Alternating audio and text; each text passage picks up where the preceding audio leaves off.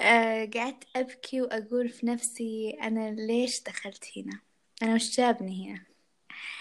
قاعدة أقول في نفسي حرام اللي تسويه في نفسك أحلام وإنتي عارفة إنك كارهة هذا المجال وإنتي عارفة إنه ما هو مناسب لك وإنك ما راح تنجحي فيه. ما راح تقدري توصلي لطموحاتك وهدفك بهذا المجال. المجال هذا ما يناسبك وهذا مو إنتي.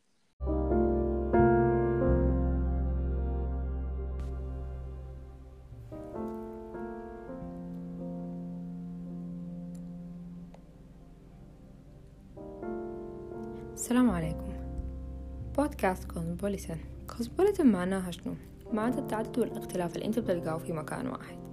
يعني مثلا لو جيت وقلت لك البلد الفلاني بلد cosmopolitan معناتها البلد ذاك فيه ثقافات مختلفة وعادات مختلفة ولغات مختلفة وأعراق مختلفة كلها انت بتلقاها في مكان واحد بس. ودي فكرة البرنامج. البرنامج ما عنده شكل محدد ما بنتكلم عن مواضيع واحدة بس. ممكن نتكلم في أي موضوع إن كان. مع أي شخص ما لازم يكون زول معنا في الدفعة. لو عندك أي اقتراحات للحلقات الجاية اتواصل معنا وعرض لنا أفكارك. شكرا جزيلا وخليكم للحلقة.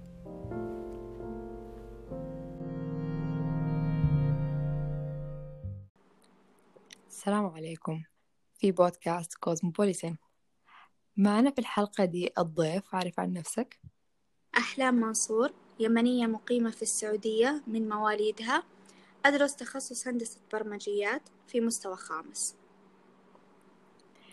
كيف كان دخولك لهندسة البرمجيات؟ هل كانت رغبة أو حب أو كيف دخلتي لها؟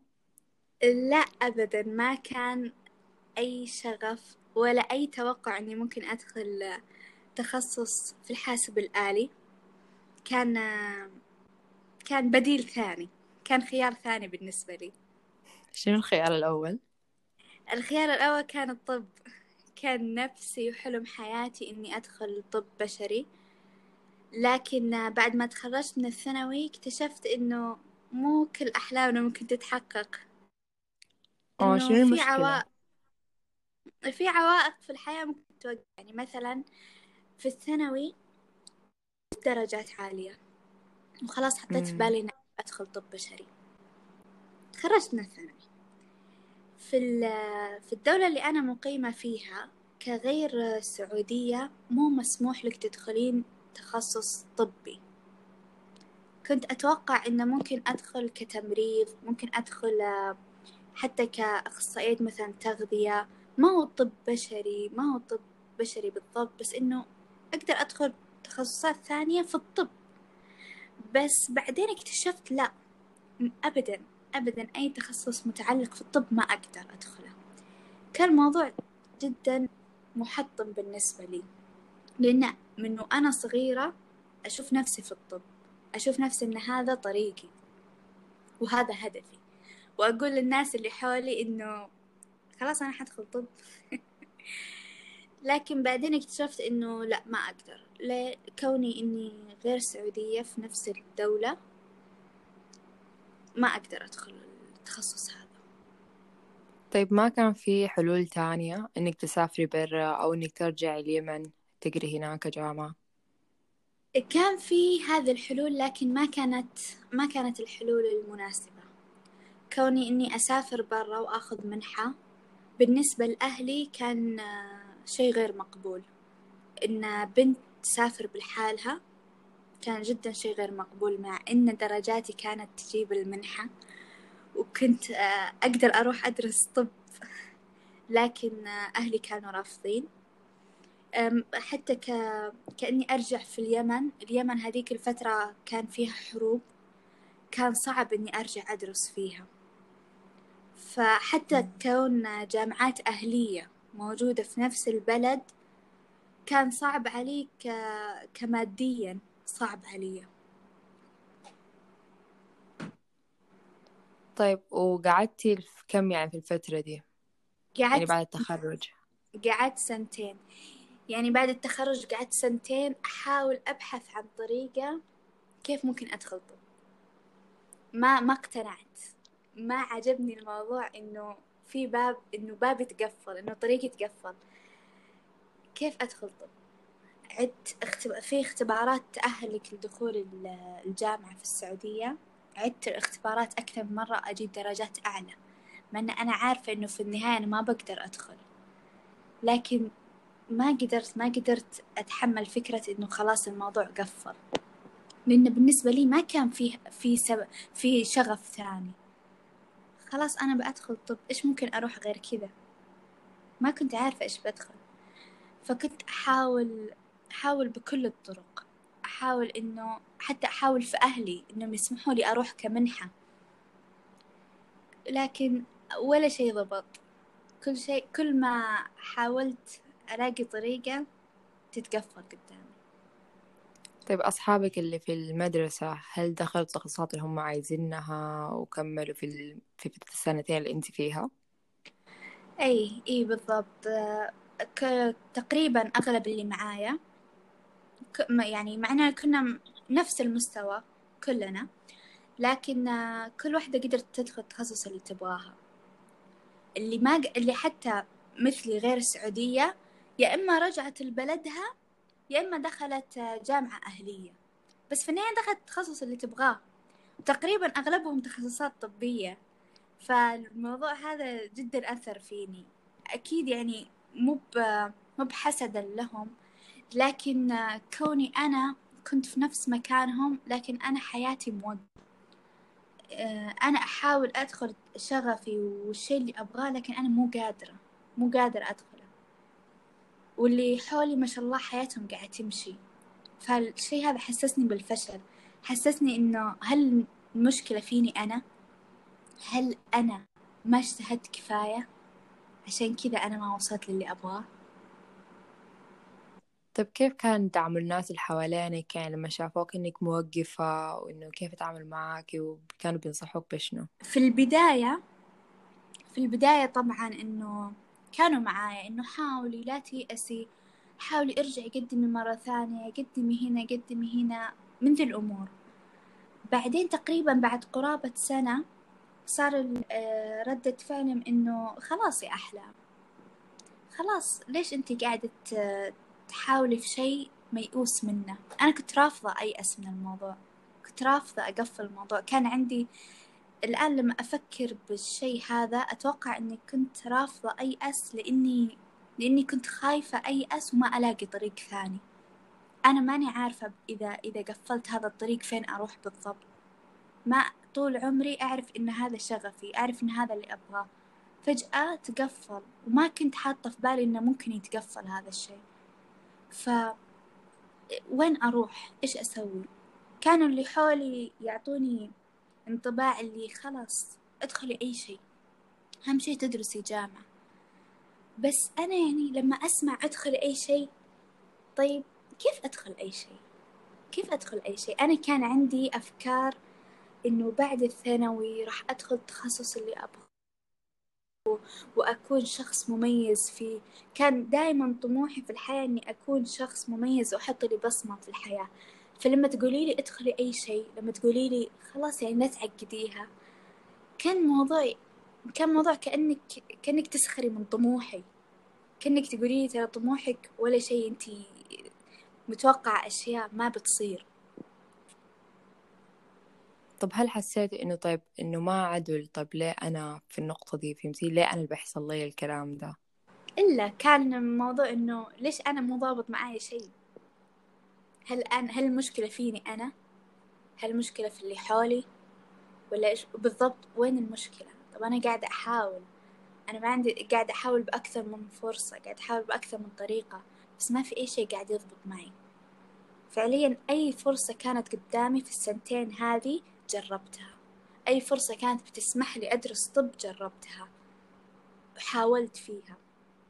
بس خلاص كل شيء مقفل. فكان إنه هل المشكلة مني؟ هل أنا فاشلة؟ هل أنا ما اجتهدت ما فيه الكفاية. بس إن الفترة هذيك سببت لي آه، عدم ثقة في نفسي. عدم ثقة في نفسي وعدم ثقة بإني بإني أوصل لطموحاتي. طيب كيف مع الجم... العبارات التشجيعية اللي هي زي if there is a will there is a way وتجري الرياح كما تجري سفينتنا؟ الكلام ده اللي هو أنت إذا أنت تريد أنت تستطيع أنت تقدر. هذه الجمل بالضبط. اللي هي بس خد مخك. بالضبط. في الموضوع خلاص اتصل. هذه الجمل هي اللي كانت سبب تحطيمي بنفسي. لما كنت في الثانوي كنت دائما أحب الجمل هذه. كنت أحسها هي اللي تعبر عن الطموح. أنا لازم أكون شخص مكافح ويتحدى الصعاب لأني لو كنت كذا أنا بأوصل لهدفي. بس بعدين اكتشفت إنه لا الحياة أبدا مو كذا. الموضوع مو سالفة تحدي. أوكي صح إن الحياة فيها تحدي وفيها صعوبات لكن مو معناته إذا ما وصلتي للي تبغيه معناه إن أنت شخص فاشل أو أنت شخص ما تحديتي نفسك. وهذا الشيء اللي كنت حاسة فيه. في الثانوي كنت أتوقع إنه إذا إذا أنا تحديت وحاولت بأوصل اللي أبغاه وما أستسلم. لما صرت في السنتين هذه اكتشفت إنه لا. الجمل هذه كنت لما أسمعها كانت تحسسني إني شخص فاشل كانت تحسسني إنه أنا ما عندي إرادة أنا مو قوية كفاية عشان كذا أنا ما وصلت لهدفي. أنا ما تحديت الصعوبات كفاية عشان كذا أنا ما وصلت لهدفي. المشكلة فيني أنا كانت كذا تحسسني. الآن لما أفكر بالموضوع قاعدة أقول إنه ليش؟ ليش؟ مين قال أساسا إنه لما تتحدى الصعاب وتتفوق على الجميع ستصل إلى مبتغاك ليه؟ الحياة أساسا متغيرة. مين قال إنه لما تحطي شيء في عقلك حتوصليه مهما كان؟ طب يمكن يكون في عقبة في طريقك تخليك تعيدي تفكيرك وتخليك تعيدي كل أهدافك. وتكون هذه من ضمن حياتك العقبة هذه. مو ما بتقلل منك أب... كونك ما وصلتي للشيء؟ أبدا ما تقلل مني. ليش تقلل مني؟ مين قال أساسا إنه لما أوصل لهدف للهدف اللي في راسي راح أكون أفضل شيء. طب يمكن في هدف ثاني أفضل منه. الحياة متغيرة الحياة تتغير. فعادي إذا أنت غيرتي من قناعاتك وإذا أنت غيرتي من أهدافك. ممكن في ممكن في البداية تحسي إنه لا كيف؟ بس بعدين تكتشفي إنه مو كل شيء يمشي على هواك. مو كل شيء يمشي بالتحديات وال... والتخطي. بعض الأحيان أنت محتاجة تسلكي طريق ثاني. بعض الأحيان من من ضمن التحدي إنك تسلكي طريق ثاني. هذا هو التحدي. طيب. آه طب الآن مثلا أنت كنت عايزة طب تمام؟ بعدين حسيتي إنه طيب الآن أنا ما حقدر أخش الطب ما حقدر أخش التخصص اللي أنا عايزاه فمفروض أنا أبطل أفكر فيه وأشوف يعني خلاص مخارج تانية أشوف تخصصات تانية. يعني شنو هي كانت نقطة التحول؟ آه كان بعد ما استنفدت سنتين من عمري. قعدت سنتين أحاول فيها أحاول فيها فعليا. أه وقفت مع نفسي شوية قلت الآن يا أحلام هل في طريقة ما سويتيها؟ هل في طريقة كانت تقدر توصلك لهدفك ما سويتيها؟ كان الجواب لا. ما في طريقة. قلت خلاص لازم أكمل حياتي. ما دام ما في طريقة خلاص أنا لازم الآن أفكر بخطة بديلة. حياتي بذي الطريقة بتتوقف لو ما مشيت. أنا لازم أمشي. الحياة ما, حتوقف على أحد. فأنا لازم أكمل. لازم أمشي. فقررت إني أقدم على الجامعة. كان عندي مشكلة إنه طيب أوكي قدمت على الجامعة وش أختار تخصص؟ فعليا أشوف كل التخصصات يجيني كآبة لما أشوفهم. مع احترامي لكل التخصصات لكن ما كانت هي شغفي. ما كنت أشوف نفسي فيها. ما كنت أتخيل أحلام بعد عشر سنين تشتغل في هذا الشيء. ف بما إنه ما في شغف ولا في حب كانت طريقة إني أختار التخصص هل هو أفضل مستقبلا أو لا؟ هل هذا الش... هل هذا التخصص راح يعطيني شغل كويس أو لا؟ ما في إلا الحاسب. كان أفضل خيار بالنسبة لي هو الحاسب مع كرهي الشديد له. كنت في الثانوي أقول أنا لما أدخل جامعة بتخلص من الحاسب. كان عندي كذا نظرة كنت بقول أبى أتعمق بشيء ثاني وبتخلص من الحاسب مع إنه مستحيل الواحد يتخلص منه بس جدا جدا كنت كارهته ما أشوف نفسي فيه. حتى أول ما انقبلت في الحاسب اخواني انصدموا قالوا أحلام حاسب؟ كانوا يضحكون علي يعني من جد كانوا يضحكون ليه؟ لأني كنت حتى ما أقدر ما أعرف أحمل برنامج في الكمبيوتر في الحاسب الآلي. لذي الدرجة أنا كنت بعيدة وكارهة الحاسب. أساسا ما كنت أستخدمه قبل ما أدخل الجامعة. فكنت ما أتخيل نفسي كيف كيف أنا أدخل هذا الشيء. أساسا كيف بنجح فيه. كان يناقض فكرة إن أنا أبغى أكون شخص مميز أبغى أكون شخص له بصمة. كيف أد... كيف يكون عندي بصمة وأنا داخلة شيء ما أفهم فيه.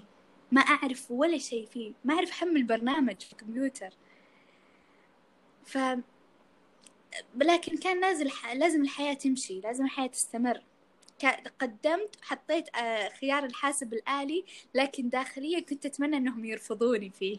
كنت أتمنى أنه ما يقبلوني فيه. طيب كيف كان أول يوم لك في الجامعة؟ يعني بعد ما خشيت التخصص اللي أنت ما كنت عايزاه اللي هو حاسوب. كان يوم كارثي. أول يوم حضرت فيه حضرت فيه المحاضرات. آه، رجعت البيت أبكي.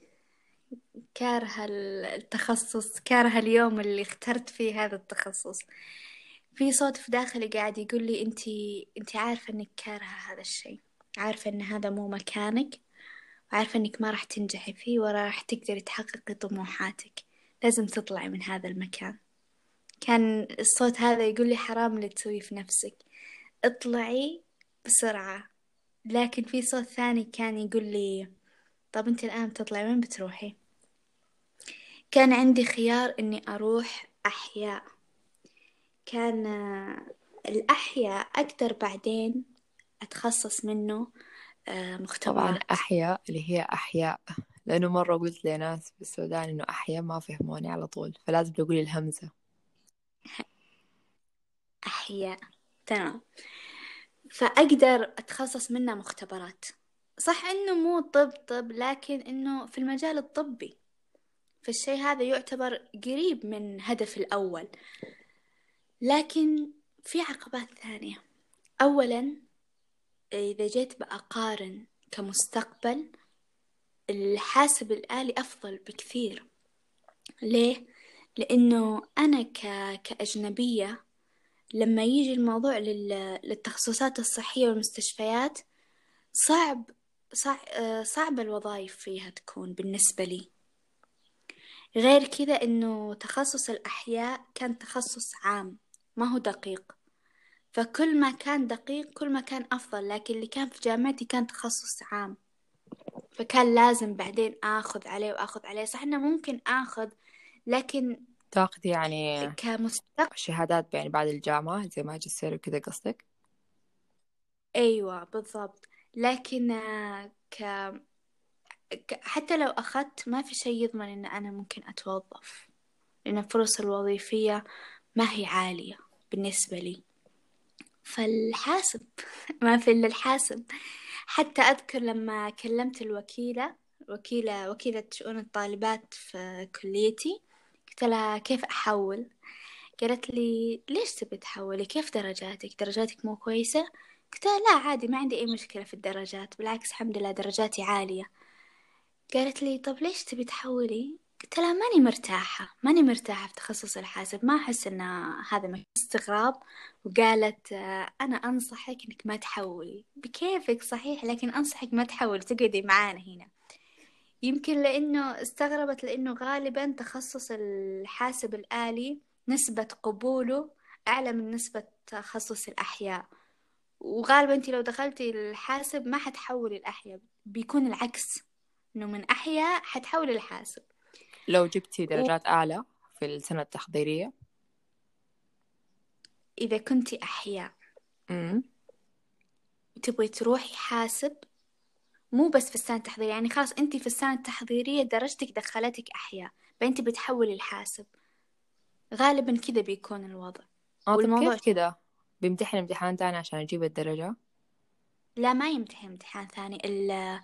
النسبة حقته المعدل.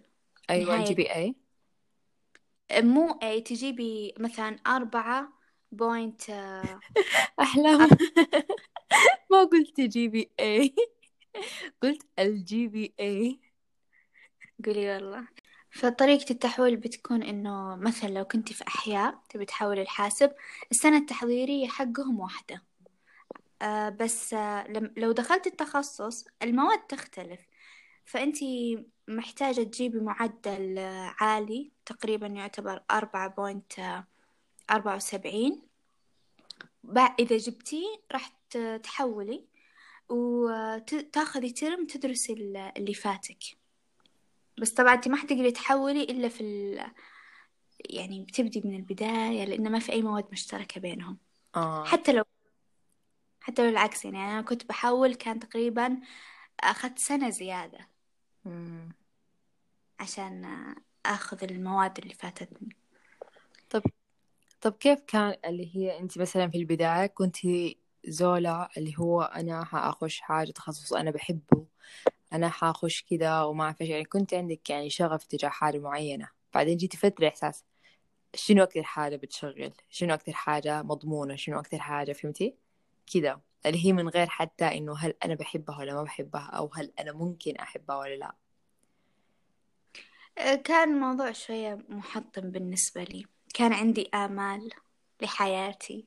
بالثانوي طبعا كنت حاطة آمال معينة كنت متوقعة أن حياتي بتمشي بطريقة معينة كفلان كعلان كشخص. كنت أسمع القصص وأتحمس من هذا القصص. قصص الأشخاص اللي اللي مشوا وصاروا ناس لهم بصمة ولهم صيت في في الدنيا.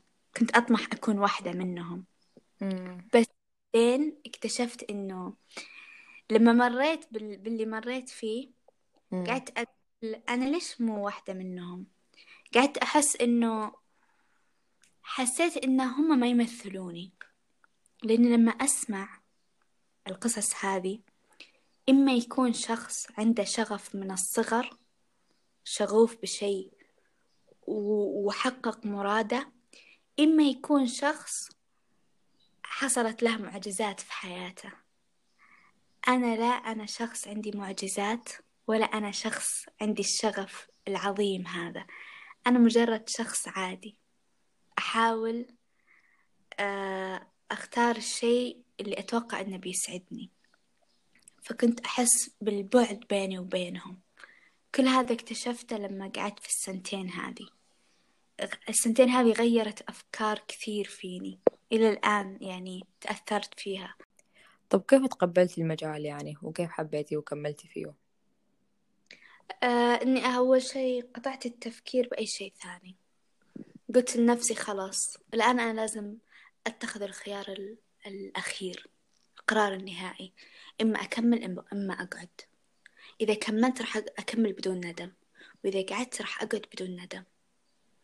يعني إذا تركت إذا تركت معليش إذا تركت راح أترك بدون ندم. فقررت إني أبقى قررت إني أبقى وبديت أحاول أشوف الموضوع من من زاوية أخرى. بديت أحاول أتذكر الأشياء اللي كنت أحبها غير الحاسب والطب. يعني أنا في هذيك الفترة كان كل تفكيري هو حاسب طب حاسب طب. طب أنا شيء أشياء ثانية كمان. مو معناته إنه لو اخترت شيء واحد راح أكون هو فقط. أنا كمان عندي أشياء ثانية. فقدتها في هذيك الفترة. بعدين قعدت أحاول أتذكرها. قلت أنا الحين إيش أحب غير هذه الأمور؟ أحب تعلم اللغات. أحب إني إني أتعرف على ثقافات أخرى. أحب كثير إني أشوف العالم الثاني. فكان متعة بالنسبة لي. أحب كمان إني أكتب قصص. قلت طيب يا أحلام ليه ما تحاولي تدمجي الأشياء اللي تحبيها؟ مع مكانك الحالي. يعني أنا أول كنت أحس إني كأني في, في مكان صغير ماني قادر أطلع منه. لكن أنا قلت خلاص ليش تطلعي منه؟ تقبلي المكان هذا اللي أنا فيه. كنت كأني في صندوق قاعدة أحاول أطلع منه لكن بعدين قلت إنه ليش ما أتأقلم مع هذا الصندوق؟ صح إنه البعض ممكن يقول لا تحطمي الصندوق وأطلع منه لكن بالنسبة لي حسيت إن هذا أفضل خيار. هذا الشيء اللي أنا بكون سعيدة فيه. فالأشياء اللي أحبها مثلا أحب تعلم اللغات. قلت ليش ما أسوي تطبيق يعلم اللغات؟ صح إنه شيء موجود أساسا في تطبيقات كذا. لكن أنا أساسا قبل آه، دائما أحلم إني أسوي تطبيق. كنت أقول الله لو أسوي كذا تطبيق زي سناب شات ويضرب كذا وآخذ منه فلوس. كان عندي يعني هذا التخيل. فكنت نفسي أجرب أصنع تطبيق. قلت لو مثلا أجرب أسوي تطبيق للغات أو مثلا أسوي تطبيق يساعد في كتابة القصص. حتى في فكرة من الأفكار شاركت فيها في ملتقى. كان أسوي زي الواقع الافتراضي لل يكون في ذكاء اصطناعي يعيشك القصة اللي تكتبيها. مثلا أنت كتبتي قصة معينة دخليها في الجهاز هذا الجهاز هذا يعطيك واقع 3D عن عن قصتك هذه. يخليك تعيشي داخل قصتك. فالفكرة هذه جت من من حبي للقصص. في نفس الوقت من الشيء اللي بيساعدني أسويها أني أنا متخصصة في الحاسب. صرت أحاول أجمع الأشياء اللي أحبها بمكاني. ما أركز على الأشياء اللي ما أحبها. فحسيت إني بديت بديت أتقبل الموضوع أكثر. كأني بديت أتحمس شوي للموضوع. آه، أحب أنا الألعاب إني أطور ألعاب ومن ذي الأمور. من ضمن الأشياء كانوا في الجامعة حتى يقولون إنه أنت وين ممكن تتخصصي بعدين؟ كان في مطور ألعاب من ضمن الوظائف. مرة عجبني. قلت أوه هذا كأنه حلو يعني. فبديت أحاول أركز تفكيري في هذا الشيء. أذكر آه، في الترم اللي راح برمجت لعبة. كانت برمجة بسيطة يعني. أول ما برمجتها جاني شعور سعادة مو طبيعي جاني شعور إنجاز شعور عظيم. منك مجرد كتابة كود كذا بسيط. لكن الشعور اللي حسيته خلاني أغير النظرة خلاني أقول يمكن يمكن أنا مو فاشلة زي ما كنت أحس بنفسي مو فاشلة في هذا المجال. يمكن أنا أقدر أعطي هذا المجال بس أنا كنت أناظر للشيء بطريقة وبزاوية معينة. آه، حاولت كمان آه، أشارك في هاكاثونات. الهاكاثون هو تجمع تقنيين عشان يحلون مشكلة معينة. يعني مثلا الآن مع أزمة كورونا إنه كان في هاكاثون كورونا. تعالوا يا التقنيين أعطونا حلول تحل مشكلة أزمة كورونا وتسحبها مرة رهيب جدا رهيب وحلو. يخليك تقابلين أشخاص من مختلف الأماكن. تكونون فريق تكونون تيم وتبدون تسوون عصف للأفكار. أي فكرة أي في راسك أهم شيء إنك تطبقيها. الشيء هذا جدا حلو. أنا يعني خلاني أعطاني مساحة إني أبدع. الموضوع مو بس إني أقعد على كمبيوتر و... وأكتب كود ولا أبرمج. الموضوع تغير. صرت أحس متعة لما أبدأ أفكر إنه إيش الفكرة اللي بسويها. ملتقيات حتى الجامعة. و من يعني حتى ملتقيات الجامعة كل سنة يكون في ملتقى وترشيحات على مستوى الجامعة. شيء شي مرة حلو كنا كنا مسابقة.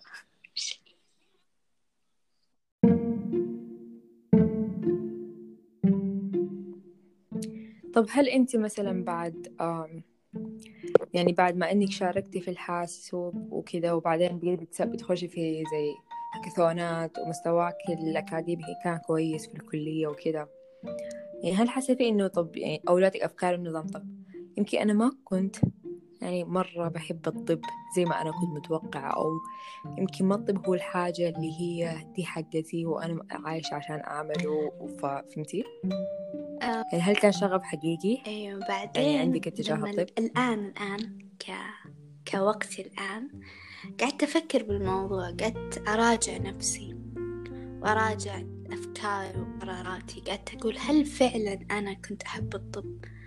اكتشفت إن أنا اخترت الطب ك يعني مو حبا وشغفا حقيقيا. ما أنا ما كنت عارفة نفسي. أنا أساسا ما كنت عارفة إيش أحب. ما كنت عارفة إيش أبغى بالضبط. لكن اخترت الطب ك توقعت من كلام اللي حولي إنه هذا المناسب لشخصيتي. لكن بعدين اكتشفت إنه مو شرط. طب يمكن لو دخلت طب ما ما يكون شيء مناسب ولا يكون زي ما أنا متوقعته. فبعدين اكتشفت إنه السبب إنه حتى سبب ضياعي من البداية كوني ماني عارفة نفسي. وما كوني أنا حتى ما تصالحت مع نفسي. فالآن أنا ماشية في موضوع إني أعرف نفسي. الآن أحس إني قدرت أعرف نفسي أكثر لما راجعت قراراتي وأفكاري. يعني حتى الآن نصيحتي لأي شخص متردد بأي شيء إنه أول شيء اعرف نفسك. اعرف نفسك واعرف أنت إيش تبغى توصل له. ترى ممكن تتخذ أكثر من طريق عادي. ممكن تغير قراراتك ممكن تغير أفكارك ولا تندم على أي شيء ما صار. لأن الطريق اللي أنت اخترته والقرار اللي أنت اخترته هذا الشيء الوحيد الموجود.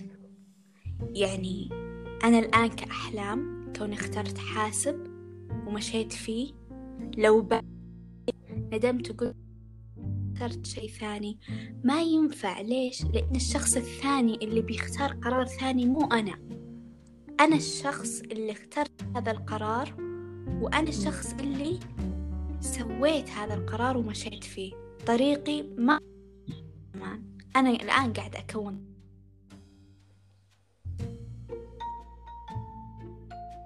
طيب هل مثلا الآن بعد يعني يعني الفترة دي كلها هل بتحسي إنك أنت زعلانة على الفترة اللي أنت قضيتيها؟ ولا يعني حاسة إنه إيه كويس إنها حصلت؟ يعني وصار الموضوع مرة ثانية ونعاد بأرجع أتخذ نفس القرارات هذيك. بأرجع ممكن حتى أنتظر سنتين مرة ثانية. لأن السنتين هذه خلتني أغير أفكار. وخلتني خلتني أنتبه لأشياء ثانية. وخلتني أمشي بدون ندم. يعني أنا الآن عارفة إنه حتى لو قعدت وقت ما راح يصير شيء. أنا خلاص استنفدت استنفدت كل الطرق. أهم شيء إن أنا أمشي في حياتي بدون ندم. أهم شيء ما أكون ندمانة حتى لو تأخرت عن الباقيين مو مشكلة. أمشي بوقتي أنا. أمشي بحياتي أنا بطريقي أنا. الباقيين يخلصوا في وقت ثاني. طب هم لهم ظروف ثانية هم لهم حياة ثانية. أنا هذه حياتي وهذا وقتي. مو مشكلة. أهم شيء أنا أكون راضية عن نفسي وما يكون في ندم في حياتي.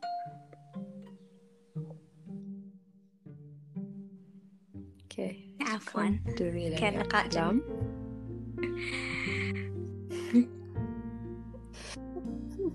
سينكيس